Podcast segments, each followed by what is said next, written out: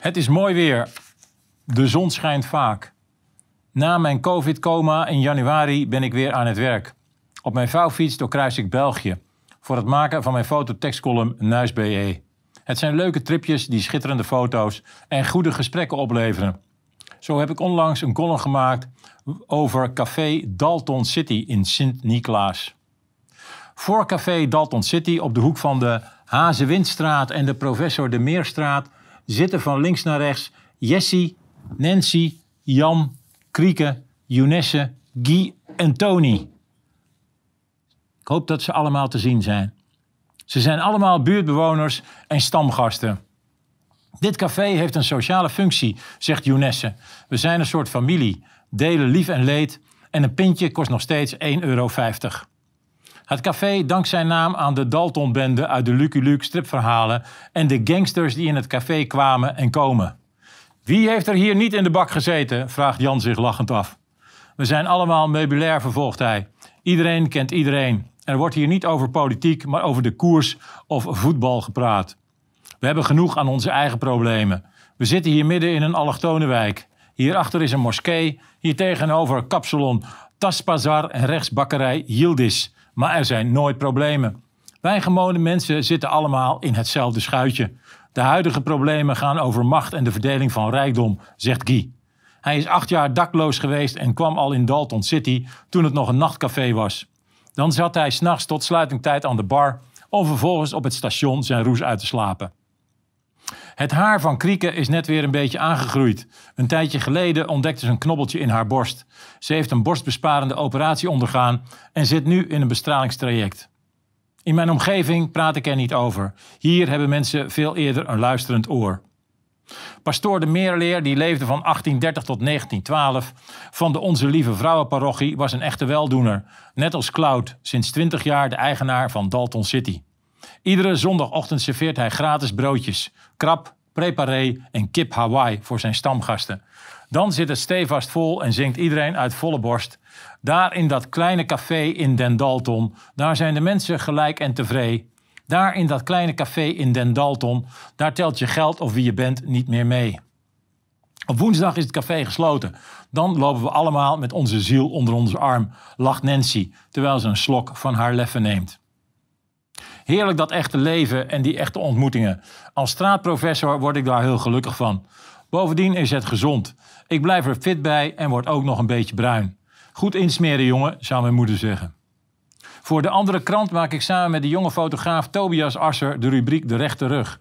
Iedere week portretteren wij mensen die niet meedoen aan de voorgeschreven werkelijkheid, als vaccineren, afstand houden en al die andere onzinnige lelijkheid van onze overheid en de technocraten van de EU en verder weg. Twee weken geleden stonden de tweeling Paul en Hans voor de camera van Tobias. Hans links of daar, ik weet het niet meer. En Paul daar of daar zijn een een-eigen tweeling. Paul is de oudste. Onverwacht kwam Hans er een kwartier later achteraan. Moeder Lucie hadden ze bijna niet gekend. Tijdens de bevalling lag ze tot aan haar oren in het bloed. De in de haast opgeroepen gynaecoloog gaf haar een stomp in de maag, waardoor ze gelukkig niet zonder moeder zijn opgegroeid.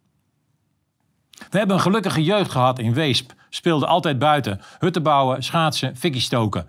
We houden allebei van fotografie. Dat komt door onze vader.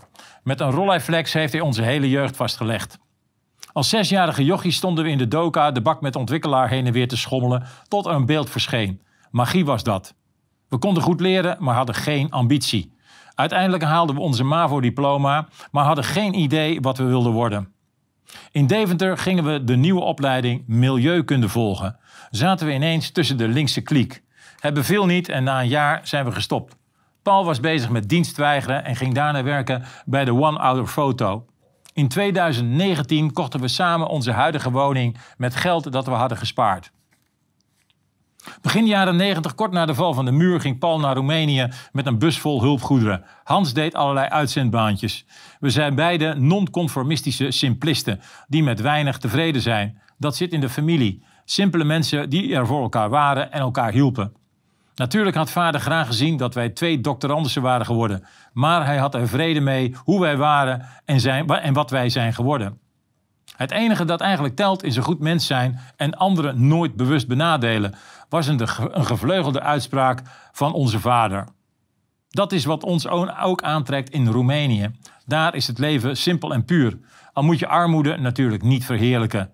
Maar als het leven moeilijk is, dan voel je dat je leeft. Mensen bezitten er nog steeds basisskills die wij in het Westen verleerd zijn en binnenkort wellicht weer nodig hebben. Simpele dingen als inzouten, wekken, brood bakken en zelf dingen repareren in plaats van iedere keer weer iets nieuws te kopen. Corona doorzagen wij snel. Wij letten erg op lichaamstaal. Tijdens de persconferenties hadden we pijn in de buik van het lachen. Het is een verschrikkelijk virus, maar om ons heen viel niemand dood neer. Het klompte simpelweg niet. Via de WOP-verzoeken komt steeds meer aan het licht. Maar het moet nog slechter gaan in het land voordat ook de deugdmensen deze zwendel gaan erkennen. Het is een schande wat er allemaal is gebeurd. Onze moeder van 82 is twee jaar van haar laatste levensjaren kwijt. Ze is niet gevaccineerd. Ze keek naar de foto van onze overleden vader. Nee, Lucie, jij gaat die prik niet nemen, had hij gezegd. Liefde eindigt niet met de dood.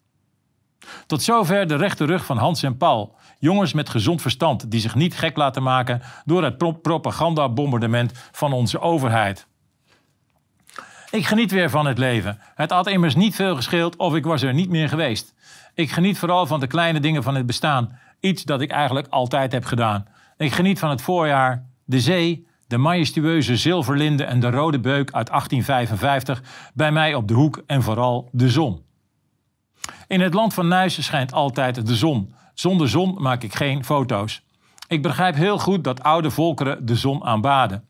Zo ben ik in Azerbeidzjan tijdens het maken van mijn project Oil and Paradise op zoek gegaan naar de resten van het Zoroastrisme, een van de oudste religies ter wereld. Het is vernoemd naar de oprichter van de godsdienst, de Iraanse profeet Zoroaster. We spreken over ongeveer duizend jaar voor het begin van onze jaartelling.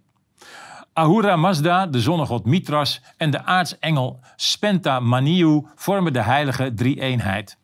De profeet Zoroaster maakte een eind aan de aanbidding van meerdere goden. Ahura, het opperwezen, Ahura werd het opperwezen, maar de aanbidding van zonnegod Mitra bleef. Zij zorgt voor de communicatie tussen de mensen en de goden. Het leven is voor mij een mysterie. Hoe ouder ik word, hoe minder ik begrijp. De grote investeerders, BlackRock, Vanguard, het WEF, de EU en onze regeringen begrijpen het gelukkig allemaal wel. Zij weten hoe alles zit. Zij willen voor God gaan spelen.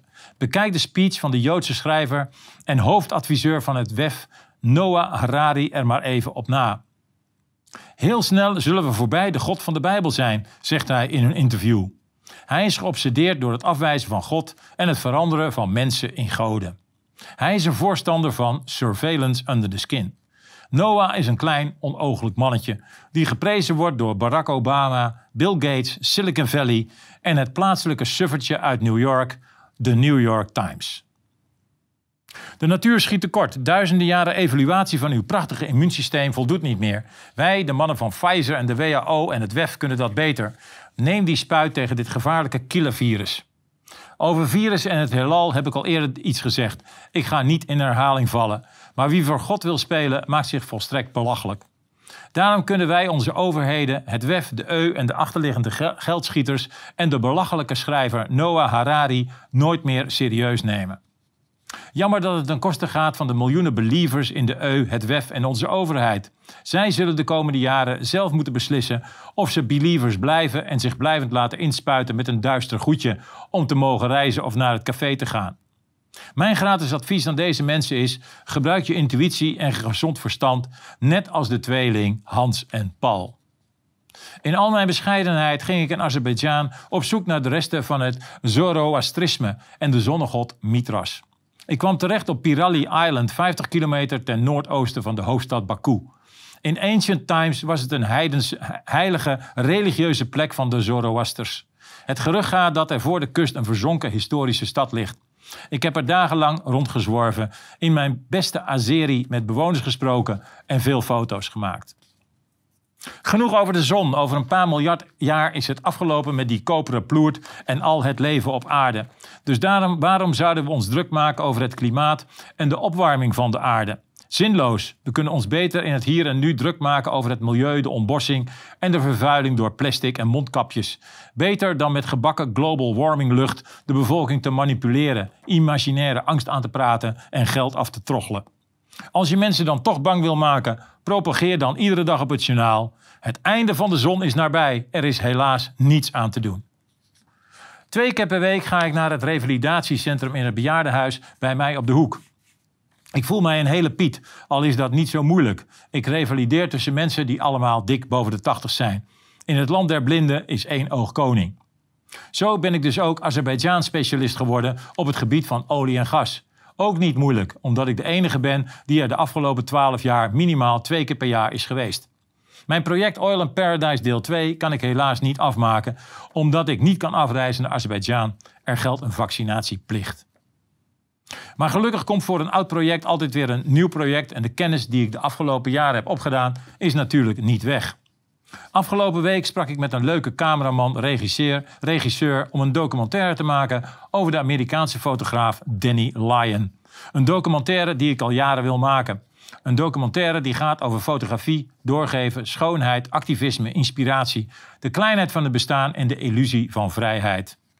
Ik wil deze fotograaf in New Mexico opzoeken die begin jaren 60 de zwarte burgerrechtenbeweging in het zuiden van Amerika fotografeerde. En tegelijkertijd wil ik een road movie maken over de illusie van vrijheid en de Amerikaanse droom die een nachtmerrie is geworden. In 1962 was de motorfiets van Danny Lyon kapot gegaan. Hij lifte naar Cairo, Illinois, waar, hij mensenrechtendemonstraties, waar mensenrechtendemonstraties waren uitgebroken. En fotografeerde hij de speech van de 22-jarige John Lewis, een zwarte activist van de Student Nonviolent Coordinating Committee, de SNCC. Na deze speech explodeerde de beweging in het zuiden van Amerika. Overal braken er protesten uit. In 1963 reisde Mr. Lyon naar Atlanta en werd de staffotograaf van de zwarte burgerrechtenbeweging. Daarna maakte hij legendarische boeken over een motorbende en een gevangenis in Texas. We gaan zien wat het wordt met dit project. Kan het gefinancierd worden? Kom ik als ongevaccineerde Amerika in? Wat dit betreft zijn we weer terug in 1963, maar dan anders. De burgerrechten van alle niet-gevaccineerden worden met voeten getreden. Al zien veel mensen dit niet. Ik ben heel benieuwd of mensen zich blijvend laten boosteren om ergens naartoe te kunnen. Of gaan veel burgers eindelijk deze medische apartheid doorzien? Apartheid gepredikt door democratische, inclusieve predikers als Kaag, Rutte, de Ursula's van der Leyen en de WEF'ers van deze wereld. Voorlopig lijkt het klaar met de absurditeiten. We mogen even genieten van de zomer. Nou, vooruit dan maar, even genieten. Het geeft ons, de technocraten, de regering, de verkopers van lelijkheid, wat tijd om een nieuwe strategie uit te denken. Alle maatregelen lijken van tafel, maar de heren inclusieve politici en marketeers en krachten in de schaduw hebben dit jaar, dit najaar weer allerlei maatregelen voor, voor ons in petto. Mark my words. Ik heb er, zoals ik in mijn vorige column zei, al vier weddenschappen over afgesloten. Ze gaan het weer proberen angstzaaien, mondkapjes, vaccineren en QR-codes. Het hele pakket. Af en toe verschijnen er al merkwaardige losse flodders. Berichten al als er is voor het eerst een coronabesmetting in Noord-Korea gesignaleerd. Het land gaat in lockdown. De noodtoestand is afgekondigd. Best gek voor een land dat al 60 jaar in lockdown is. In de Oekraïne hoor je niets over corona. Daar is het gewoon ouderwets oorlog die vooral niet aan de onderhandelingstafel mag worden opgelost. Wat moeten we met deze berichten? Waar is het voor nodig? De angst erin houden lijkt het. Een nieuw virus is onderweg, mensen. Denk eraan. Daarom is het voor ons burgers maar één oplossing. Niet meer luisteren naar de leugens. Allemaal een Hans en Paul worden. Niet vaccineren met een vaccin waar niemand voor de eventuele schade aansprakelijk is en ook niemand weet wat het op de langere termijn uitspookt in je lichaam. De signalen zijn niet heel vrolijk.